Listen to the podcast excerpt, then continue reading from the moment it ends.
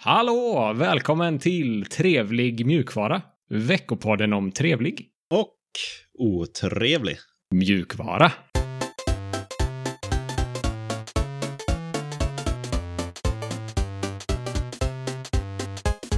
Hallå, mitt namn är Sebastian och med mig har jag även denna säsongen Alex. Ja, tjena. Vad är det för sång eh, vi är på nu? Det är sång sju. Sång 7. Ja, Nice. sju säsonger. Ja, man kan ju prata om att det är väldigt lång tid, men det är ju inte det. Men det gör vi varje gång vi nämner hur många säsonger vi är uppe i. ja, men det är ändå ett ansenligt nummer, tycker jag.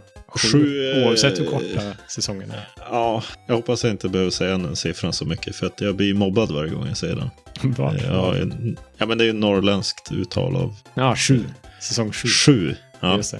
Ja, vad har du haft för dig nu under vår lilla minisemester? Har du gjort något roligt? Jag har inte haft tid till så mycket roligt. Men vi har ju, jo, jag har gjort en grej. Jag har ju löst en utmaning. Men det ska vi prata om sen. Just det. Spännande. Mm. Vad har du gjort då? Jag har inte haft tid att göra så mycket roligt heller. Jag har köpt en massa krukväxter till min lägenhet och blivit, blivit en, eh, en plantpappa. Jag har inga barn, men jag har en katt och en massa krukväxter nu. Jaha, okej. Ja, men det kan man ju pyssla med kanske. Om Ja. jag skulle göra det så skulle de ju dö, tror jag.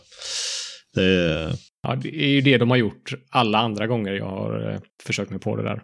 Men ja, Ja. vi ger det en chans till. Ja. Det är lite skoj att experimentera med faktiskt. Det är det analogt till skillnad från eh, det digitala jag alltid sitter med annars. Är det något bonsai-träd? Nej, inget bonsai-träd. Jag vågar inte ha sådana dyra växter för att min katt eh, har en tendens att tugga på dem. Ja. Och då går de sönder och dör. Du kan inte mm, glasa in den. ja, kanske. Det är en idé. Det är, ju, är inte det typ växternas eh, Rolls Royce eller något? Jo, men det är det va? Växer superlångsamt och kräver jättemycket eh, omvårdnad. Ja. Precis. Ha, vad ska vi prata om den här veckan då? Denna veckan så kommer vi snacka om Mac och Linux. Mm. Och vi kommer också att ta upp Mozilla och Nvidia som har gått ihop i ett lite spännande samarbete. Lite Rust-nyheter. NASA, Mars, eh, Linux och eh, Open Source. När de jobbar Oj. tillsammans på bästa sätt. Mm. Spännande. Mm. Och lite webbrender kommer vi snacka om i Firefox. Och sen en eh, trevlighet. Och så uppdateringar på våra utmaningar som du hintade lite om där. Som du har jobbat med på semestern. Ja, men först nyheter.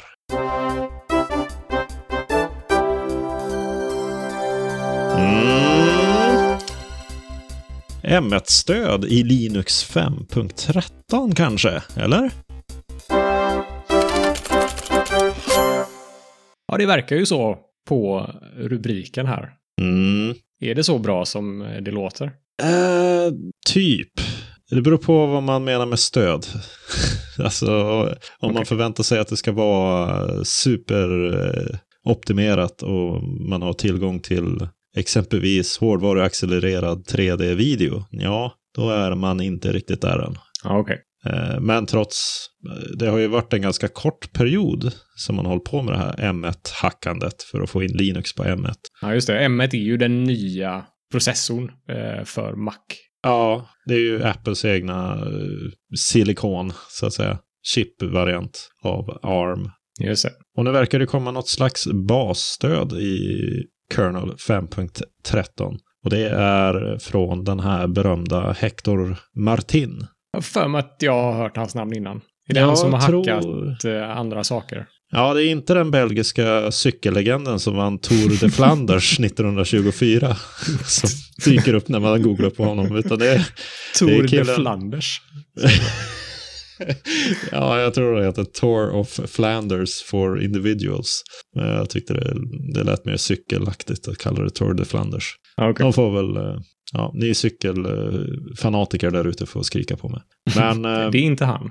det är inte han. Han dog 1972 dessutom. Ja, okej. Men eh, det är Hector Martin som har eh, hjälpt till att få Linux att köra på plattformar som PS, eh, Playstation 4 bland annat. Just det. Och han har ju sin Patreon där folk kunde stödja honom i monetärt för att han bara skulle pyssla med att få igång Linux på de här Apple Silicon-datorerna. Mm, och han fick in en del pengar där va, så han kunde sitta med det. Ja, ska vi ta en liten uppdatering och se hur mycket han har fått, eller kommit upp i nu? Ja, absolut. Det har inte jag kollat upp, så det måste vi göra live. Jag minns att det var en ansenlig summa när vi snackade om det för månader sedan. Ja, ja, ja, man får ju inte riktigt se summan exakt. Men han har ju 1196 patrons på Mm. Patreon. Och jag tror att det funkar så att de betalar varje månad till honom där. De är prenumeranter, helt enkelt. Ja, och sen har han ju även 173 stycken sponsorer på GitHub. Okej. Så det är, finns, finns en vilja där ute att få igång det här. Mm. Ja, fräckt. Vilket land tror du att han eh, sitter och jobbar i? Vad hette han, sa du? En gång till? Hector Martin? Spanien. Nej, han sitter i Japan, i Tokyo. Ah. Och det här projektet som eh, siktar på att få igång eh, Linux på Apple Mac-datorerna, de, det kallas ju eh, Asahi Linux. Mm. Asahi är en eh, god öl från Japan. Ja, det är den där eh, silvriga, lite torra ölen. Typ. Ja, precis. Nej, så det går framåt för honom. Han har ju lagt upp sin pull request mot eh, Linux-kärnan. Mm. Och troligen så håller koden måttet. Och så kommer man att kunna se den här koden i kärnan som kommer ut i juni. Mm. Som då är 5.13. Ja, och det blir väldigt primitivt eh, stöd för UART, Interrupt, SMP, Device Tree och lite andra grejer. Mm. Men det är fortfarande, som sagt, en lång bit att gå med hårdvaruaccelererad eh, 3D-video. Okej. Det känns som jag kan klara mig utan det spontant. Ja, men är inte det lite tråkigt? Är inte det en del av upplevelsen att det går väldigt... Eh, tänk om man har två frames per second. Jaha, är det... Jag, tyck, jag trodde bara det var vid 3D-video. Jag tror aldrig jag knappt har sett en 3D-video i hela mitt liv. Nej, men det är inte 3D, eller, det är 3D eller video. Aha, okej. Ja, så ja, kommer den att ju- dra en massa prestanda när den ska försöka spela upp eh, YouTube eller PeerTube eller vad det nu är Ah, okej. eh, surfar runt på. Ja. ja, det är ju tråkigt. Ja, och tittar man på liknande öppnande av stängda GPU-enheter så har det ju tagit många år för dem att, att komma framåt. Mm. Ett exempel som tas upp är Panfrost-projektet som eh, var till för att försöka open sourca drivrutiner till ARM Mali-GPUer. Och det är först nu som det har börjat dyka upp Vulkan-stöd i dem. Mm. Det har ju hållit på i många år och man kan ju även titta på, det är ju inte ARM i sig, men Nvidias eh, open source eh, motsvarighet är ju Nuvo, eller Nuvo, eller hur man uttalar det. Mm. Den existerar i princip bara för att installera de proprietära Nvidia-drivrutinerna och den är ju ganska långt efter de stängda varianterna Okej. och har ju funnits sedan tidernas begynnelse. Men det kanske inte finns så mycket eh, motivation till att, att jobba på den kanske. Nej, precis. Det har man ju förstått från Nvidias håll.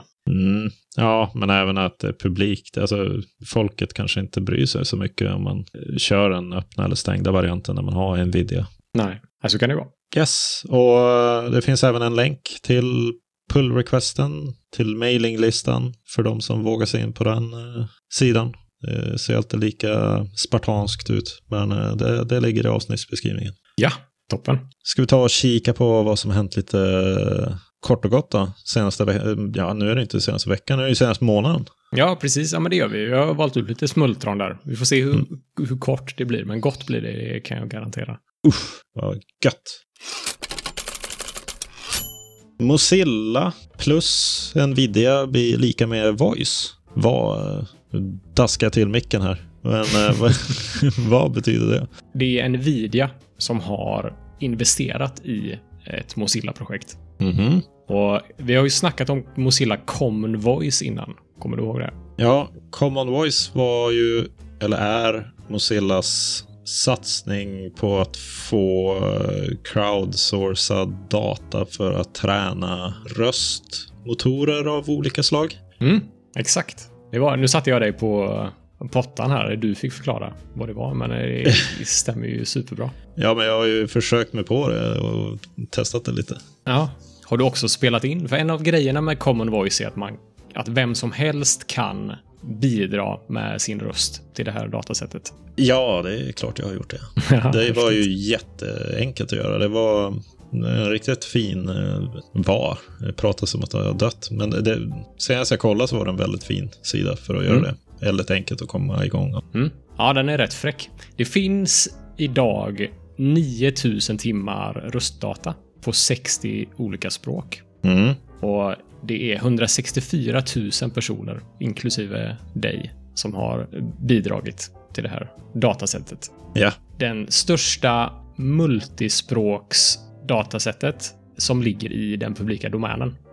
Ah. Så det största gratis öppna eh, sättet av eh, röstdata. Ja, ah, just det. Ja. Och, eh, de släppte en bloggpost när de eh, gick ut med det här meddelandet att Nvidia har investerat pengar och eh, det är 1,5 miljoner dollar som Nvidia har investerat i Common Voice. Mm. Och de säger att de tror att inom de kommande tio åren så förväntas tal bli det huvudsakliga sättet att interagera med apparater. Vad tror du om den teorin? Ja, vilka apparater är väl min första fråga. Men, ja, äh... de säger exempel som mobiler och, och kiosker och sådana här puckar som du snackar om och din tv kanske. Ja, det beror på vilket Devices land. kallar de det för. Ja, det där var ju, ja, det kan de ju få spekulera i. Men eh, ja, jag tycker väl att eh, absolut om det kommer till grejer i hemmet och man springer runt och inte vill krångla runt i något gränssnitt. Mm. Då tror jag absolut att eh,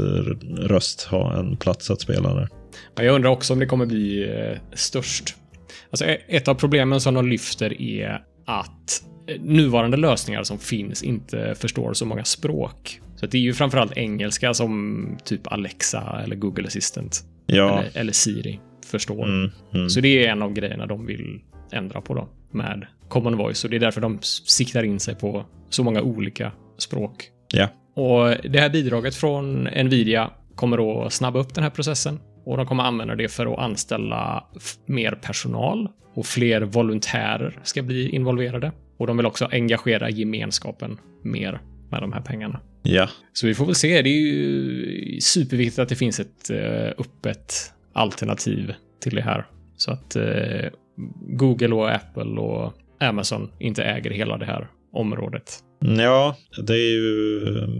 Jag hoppas ju verkligen på det där datasättet att det ska komma något vettigt av det snart. Det har ju funnits i många år nu och ja, fram tills ganska nyligen så fanns det ju inte så mycket svenska språkmotorer, språkigenkänningsmotorer eller vad man ska kalla det. Nej. Så ja, och det behövs mer open source på det där området. Det är någonting som vi saknar totalt. Verkligen. Nästan, om man bortser från eh, det finns ju assistenter som är open source, exempelvis, eh, vad heter den? Inte Watson, den andra gubben. Bixby. Nej, nej, vad heter han? Den där som, den var på Kickstarter för en massa år sedan. Uh, Mycroft. Mm, just det. Mycroft. Han, uh, han höll på att säga. den, den har ju ganska mycket open source-delar i sig, men de har ju fortfarande, de stödjer sig fortfarande mot de, en leverantör som är stängd när det kommer till att förstå, att, att konvertera talet till text som den sen agerar. Ah, okay. Men det ligger ju i, i roadmappen att byta ut det mot någonting som fungerar. Mm. Ja, som är byggt med hjälp av common voice och sådana bitar. Just det. Så det, det är bra att Nvidia kommer in här och försöker hjälpa till lite. Ja, det är jättebra. Det är inte alltid vi snackar positivt om Nvidia här. I de, de kan få, men... nej, de kan få en sån här liten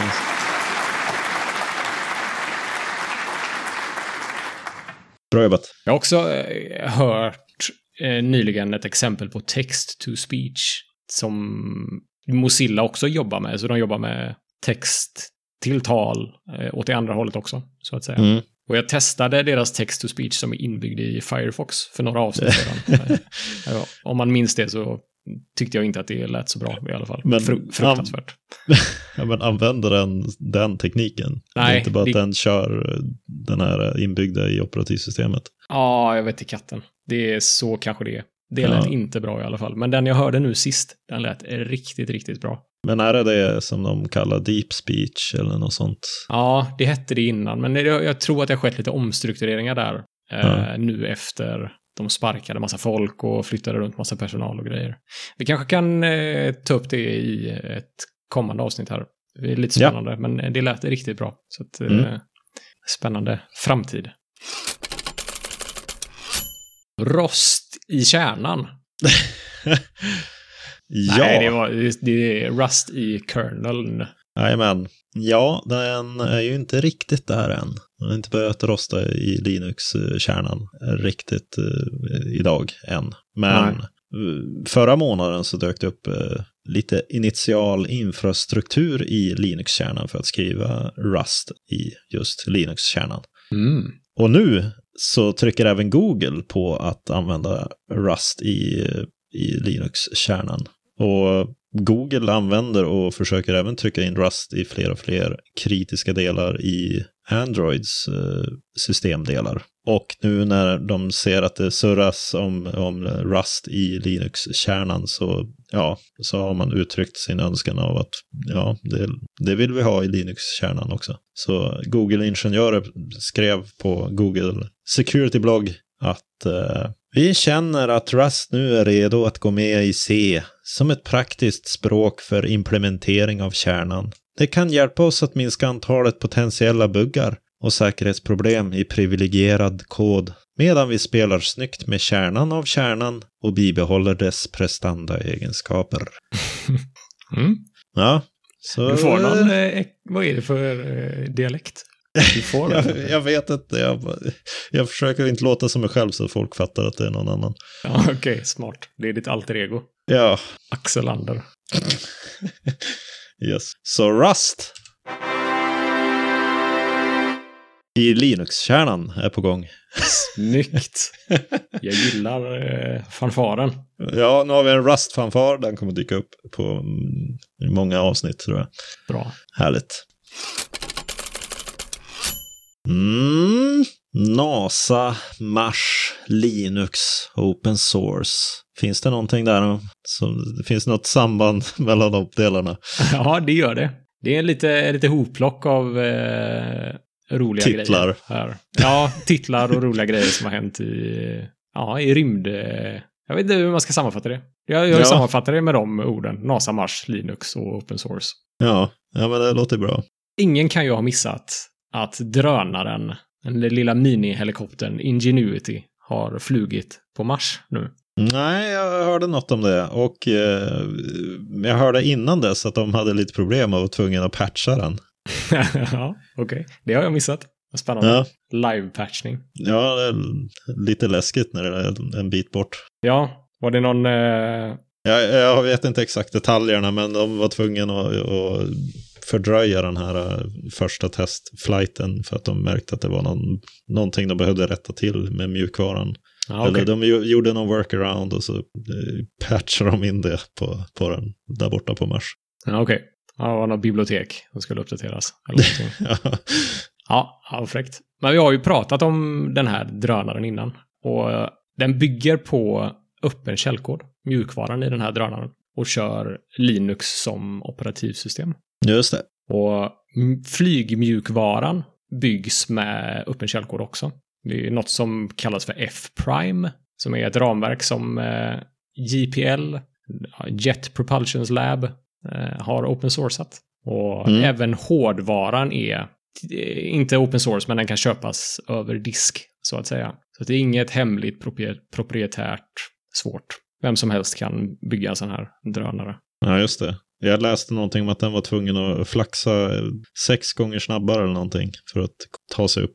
Ja, än vad den behövde göra på jorden. Ja, någonting Ja. sånt var det. tunnare atmosfär. Just det. Eh, tänkte vi ska lyssna på en liten ljudsnutt hur det lät när, vad var det du kallade det, kommandocentralen? Vad heter det då? det är något sånt. När de fick reda på att eh, allt hade gått väl med den här flygningen. This is flight control, confirming that we have EVRs from Ingenuity. Ingenuity's reporting having performed spin-up, takeoff, climb, hover, descent, landing, touchdown, and spin down.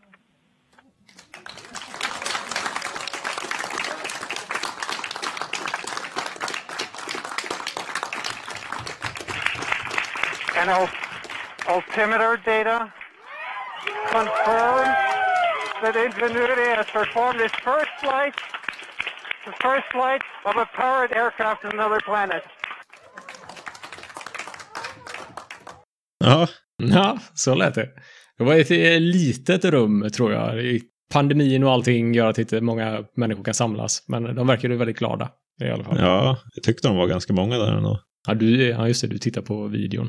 Ja, ja, Linux var först upp i luften på Mars och är antagligen den enda som kommer att vara uppe i luften på Mars framöver. Ja, precis. Inom en... Eh, ja, ja, precis. Ja, inom en viss eh, tidsram. Det kanske kommer andra saker framöver. Vi får se. Ja, precis, precis. Ja, men det är häftigt. Man såg den här videon. Det var inte så många frames per second, den där videon. Men eh, det är ändå häftigt att vi livestreamar hur eh, en drönare flyger på en annan planet. Vi Ja. lever, lever lite i framtiden.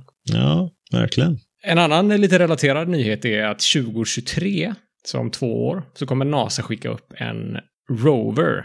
En sån där lite större maskin som kör på månen. Ska den köra på. Jaha, Och den kallas för Viper. Volatiles Investigating Polar Exploration Rover. okej. Men eh, var vi inte klara med månen? Nej, vi är inte klara med månen än. Nej, det var okej. ju någon, eh, var det inte Trump som sa att vi skulle tillbaka till månen? Ska vi, ska vi gå på vad han säger? ja, men det är ju det de gör. Han har ju gett NASA en massa pengar för det här. Så nu får de göra det. Ja, men det finns ju mycket eh, fördelar och eh, coola grejer som kan komma av att Ja, eh, ja, utforska månen eh, mer. Självklart. Vi borde ju ha någon månbas också snart. Ja, precis. Det kanske är nästa steg här. Den här, den här eh, rovern i alla fall har som uppdrag att leta efter vattenis på månen. Mm. Som eh, senare kan komma att användas till att producera raketbränsle Aha. på den här kanske basen på månen då. Ja, just det. Och eh, mycket av den här mjukvaran i Viper är open source också. Aha. Och ett exempel är något som kallas för ROS, som står för Robot Operating System, som är en samling, ra, samling ramverk som används till jättemånga robotprojekt runt om i världen. Mm. Och nu har NASA valt att använda det för eh, den här rovern då också. Och ROS underhålls av ett, en non-profit entitet, organisation. Jag vet inte hur, vad de kallas själva. Som heter Open eh, Robotics. Okej. Så det har ju varit klassiskt proprietära system som används för prylar i rymden. Och som säkert har kostat hur mycket pengar som helst att utveckla. Ja. Och som bara används av eh, väldigt, väldigt få apparater. Mm. Men nu växer rymdindustrin. Så det knakar, verkligen. Mm. Och då letar man efter billigare alternativ. Eh, Så då har nog NASA, tror jag, insett att eh, open source leder till minskade kostnader. Ja. Om alla använder samma standard. Man behöver inte göra någon specialiserad kodning som uppenbarligen är jättedyrt. Ja. Och kodare som jobbar på NASA kan använda verktyg som de redan är bekanta med. Som de kanske har använt i plugget tidigare, Mm. till exempel. Ja. Så eh, bra, bra utveckling. Det går åt rätt håll. Ja, det är ju en, det är ett skifte som håller på att ske, eller som redan har skett. Det var ju i slutet av 90-talet däromkring som Microsoft attackerade open source och så. Mm. Och det gick ju inte så bra på serversidan ändå. Och eh, sen har ju open source bara vuxit sig starkare. De som gick i skolan för 20 år sedan började ju nosa lite på open source. De som gick i skolan för 15 år sedan eh, använde mycket open source i skolan antagligen. Och eh, det är ju åt det hållet det går och då börjar de komma ut i, i, på arbetsmarknaden. Och då blir det ju ett, ett skifte över hela brädet, även i, i rymdbranschen. Just det. Det är ju riktigt härligt. Det känns ju som vi alla hjälps åt samma håll. Ja, precis. Man kan ju potentiellt få sin kod uppskickad i rymden. Men det behöver inte kräva så jättemycket. Man gör någon liten fix på något FFmpeg som eh, Mm. används i eh, Ingenuity till exempel. Så har man en bit av sin kod på Mars. Ja, det är Ja. superhäftigt. Vi borde ha det som utmaning att eh, få in en liten patch i Linux-kärnan någon gång. Alltså det behöver inte vara något avancerat. Det kan ju vara att man fixar ett stavfel på, i en kommentar. Just det. Ja, precis. Ja. Det är ju en liten process att gå igenom. Man får inte skicka in eh, mail hur som helst, utan man måste gå via... Det ska vara oformaterat och sådär. Mm. Ren text. Men det hade varit lite roligt att prova. Ja, verkligen. Det är det är intressant det du säger med skolan, att eh, det är en liten en offset där på, 15 år. Eller vad det nu var du sa. Någonting sånt är det ju. Ja, det var ju där omkring det började. Och sen känns det som att det bara är mer och mer naturligt att använda de verktygen för de växer sig större och större och tar större del av marknaden. Ja, men precis. Det blir en feedback loop in i skolan där då. Ja, precis. Ja, det är också, det betyder att det är väldigt viktigt att se till att, i, att man använder rätt verktyg i skolan. Ja, Det kanske inte är superbra att använda proprietära operativsystem i skolan. Det har väl varit eh, superpush från både Microsoft och eh, Apple att studenter ska använda deras både hårdvara och mjukvara. ja, Microsoft har ju gett gratis licenser till alla möjliga Office-program och så vidare ja. för att man ska bli inlåst i det ekosystemet från början. Det en, har ju fungerat superbra för dem. Ja, ja visst. Kan jag tänka mig. Man blir lite, lite bitter. Men eh, det känns som att de håller på att strida i, i uppförsbacken nu. Mm. Det, det löser sig nog i slutändan. Ja, det är bra. Det tror jag med. WebRender påslaget. Håll i hatten. Nu går det undan här. Ja, Nu, eller ja, snart, så börjar WebRender att slås på i Firefox på Linux. Och mer specifikt i version 88 som eh, kommer ganska snart. Det kanske har kommit när vi släpper avsnittet, jag vet inte. ja. Och i maj så eh, sägs det att det nya gränssnittet eh, dyker upp. Ah, Okej, det vi har snackat om innan, där de har gjort om menyn lite grann och Mm. adressfältet och sådär. Ja. Mm. Jag vet inte riktigt vad jag tycker om det gränssnittet. Jag har sett lite skärmdumpar från det och det känns ja, lite knasigt. Men Mm. eh, man får väl eh, prova det och smaka på det ett tag innan man säger allt för mycket. Ja, All right. Är du redo för lite mm, trevligare saker kanske? Eller ja, det där är väl trevligt också.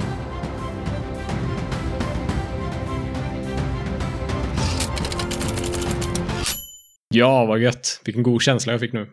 vad är det för trevlighet som du har tagit med dig idag? Ja, det här är en trevlighet som jag har försökt luska ut när den, eh, när den föddes. För det här är en riktigt eh, gammal eh, trevlighet som man i och för sig använder i ganska otrevligt syfte.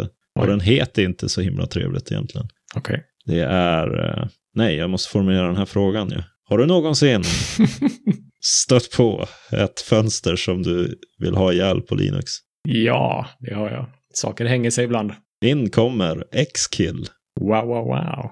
Har du använt det någon gång? Ja, det har jag faktiskt. Ja, visst är det fräckt. Ja, det är fräckt. Det är det. Jag tror min eh, standardgrej är att öppna H-top och avsluta processen. Men eh, jag tror att Xkill eh, är snabbare många gånger. Ja, den är väldigt eh, hands-on. Den är väldigt... det man pekar på och klickar på, det dödar den. Just det. För den funkar så att du skriver Xkill i din terminal och då får du en speciell muspekare som är som ett litet sikte. Nej, den är, det är en dödskalle med Va? Det är det inte på min. korsade ben. Har du Va? inte den? Nej, det har jag inte. Då är det inte samma ikon. Men Då sprack ju den här trevligheten. ja, Nej, jag nej, men den är ju väldigt brutal. Så att om man råkar klicka på fel yta, typ på skrivbordet bakom fönstret, då dödar man eh, plasma eller vad det är som kör där bakom. Just det. Det är lite läskigt, men det är ett kraftfullt eh, verktyg om man eh, är less på någonting. Då Mm. kan man ha ihjäl saker och ting. Så den eh, kan man ju prova om man eh, sig lite modig någon gång. Ja, schysst. Kom du på när den eh, släpptes? Nej, har du Nej. luskat fram det? Nej, det har jag inte. Det kanske är 80-talet någon gång då, eller något Ja, sånt. riktigt gammalt. Lika gammal som Xorg, kanske. Ja, nu är Xorg på väg ut ur eh, datorerna. I alla fall Linux-datorerna. Nu är Wayland på, på väg in. Och ja, jag försökte hitta något alternativ till Wayland, men det verkar inte finnas något. W-kill. Gör det? Eller hittar du Nej, på något? nej, jag skojar bara, men det borde ju heta det. Ja. ja, det var det. Toppen. Bra tips.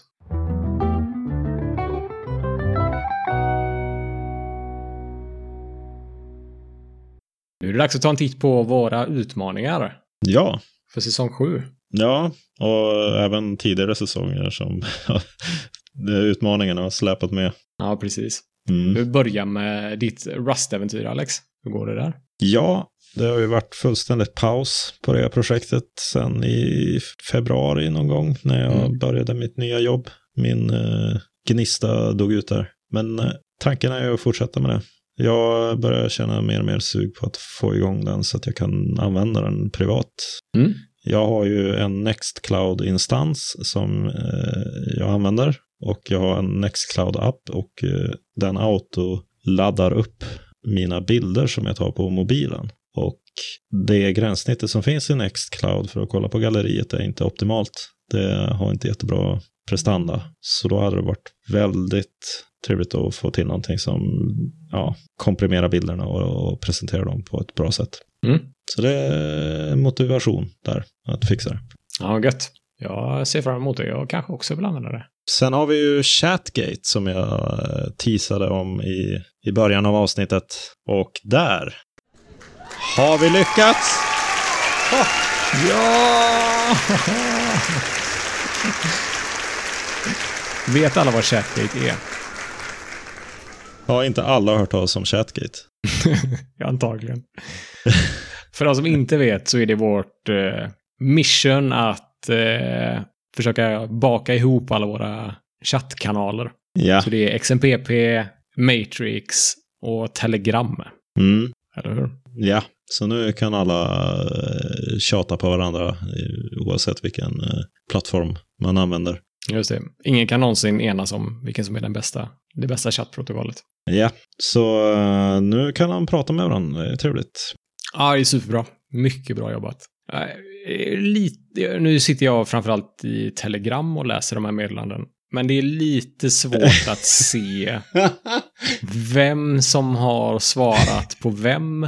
ja, Eh, Allting skick på Telegram så skickas ju allting från trevlig bot.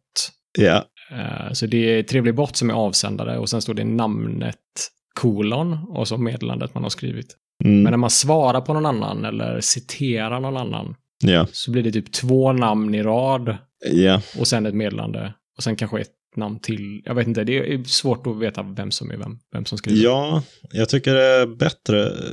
Jag har inte kunnat konfigurera där hur det ser ut med när man svarar folk eller hur det formateras när det är en sån här reply till någon. Nej. Men eh, i Matrix så är det en annorlunda formatering som jag tycker är lite tydligare för där har de inom parentes efter det som man skriver ja, re- regarding eh, bla bla bla det han skrev där borta. Mm. Så då är det tydligt. Men i Telegram så är det bara en, ja det är ju ett namn och så sen är det någon eh, hakparenteser och eh, namn till och så sen är det text och sen är det ett mellanrum eller en radbrytning som mellanrum innan texten kommer som man egentligen vill läsa. Så man Just fattar det. inte riktigt var börjar texten de har skrivit och var börjar texten de har svarat på. Nej. Eller var slutar texten de har svarat på. Nej, precis. Och om man svarar på ett svar så blir det ännu Ja, värre. då är det ju... eh, Exponentiellt mer konstigt. Replyception eller någonting. Det, blir Ja. jätte, det är inte optimalt och när man tittar närmare på, eh, vi valde ju Matrix för att det skulle gå att brygga och så vidare, men det här är inte riktigt deras brygg, mm, brygga-metod, utan eh, det här är ju någon, någonting man jackar på via bots. Just det. Eh, Matrix har ju något som de kallar för virtual users som eh, emulerar användare från andra plattformar. Om man Mm. har en äkta Matrix-brygga. Och det är något som de har till Microsoft Teams och lite sådana teknologier. Men det fanns inte till Telegram. Nej. Men jag hoppas det kommer i framtiden så att man slipper det där bråket. Men det kommer nog inte lösa problemet i Telegram för de har inte virtual users. Nej, precis. De har bara bottar. Ja, Nu är det ju en bot som heter något speciellt. Ja. Vad heter bryggan som du har använt? Matter Bridge. Just det. är väldigt lätt att sätta upp som det är någon som saknar någon plattform, ja då kan jag fixa in oss där också. ja, bra. Slack eller jag vet inte vad vi ska ha för plattformar. Men det, Nej, det kan ju ha vad som helst. Vi börjar få sjukt mycket länkar i footern på avsnittsbeskrivningen. Men eh, en till Ja, men- gör väl ingen skada. nu, är vi ju, nu blir det inte så stor ökning varje gång vi lägger till en ny rad. Så Nej, att, nej. eh, det gör väl inget. Ja, vad mer då? Ja, vi har ju din Pinephone som är ett långtgående uppdrag. Ja, Utmaning. Vi drar det lite kort här då. Att om tid finns så kommer jag försöka mig på att köra den en vecka någon gång. Men jag är tveksam till om det blir den här säsongen eller nästa säsong. Okej. Men det ligger alltid där i bakhuvudet och jag, jag har ju betalat för den där manicken och jag älskar konceptet. Men eh, just nu finns det viktigare saker i livet just lite högre upp på min priolista. Ja, Och då får man prioritera ner lite. ja så är det. Helt rimligt. Och sista utmaningen är ju att Seb doppar tårna i Emacs och BSD. Jag ser verkligen fram emot resultatet. Jag trodde vi skulle anställa någon korrespondent som testar olika operativsystem och distributioner. ja, Christer i Telegramkanalen är ju någon slags eh, expert på att eh, distrohoppa och prova grejer. Så, ja, precis. Ja, jag vet i katten om eh, det där, om det blir något av det. Ja, vi ska fundera på den kanske. Ja. Men vi kommer inte glömma bort BSD. Vi ska börja hålla mer utkik efter BSD framöver tycker jag faktiskt. Ja, men det tycker jag med. Definitivt. Mm. Absolut. Det var allt trevligt. Och otrevlig. Ja, mjukvara vi hade för denna gången. Hör gärna av er till eh, kontakt trevligmjukvara.se eller Följ oss på YouTube eller Twitter. Gå med diskussionen i någon av våra många chattkanaler. Vilka har vi? Matrix, Slack höll jag på att säga, men det har vi inte. Men eh, Telegram, XMPP. Just det, de har vi.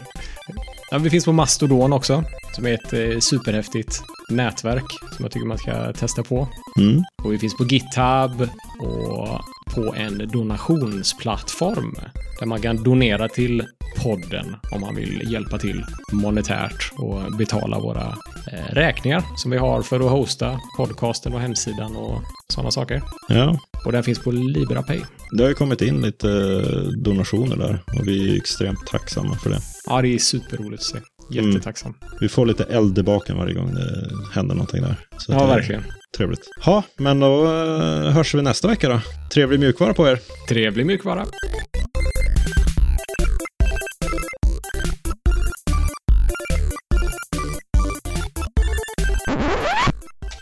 Jag får bara trycka in micken lite så, så. Jag brukar ju prata ganska nära den jag för mig. Ah! Ja. Det låter skitbra. Mm.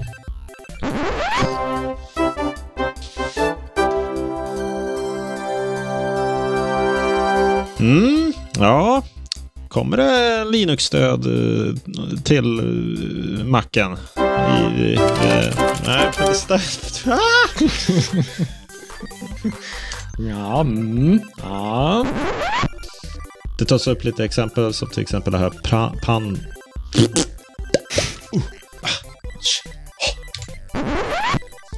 Ett exempel för att liksom... Vadå? Vänta, hallå? hallå, hallå.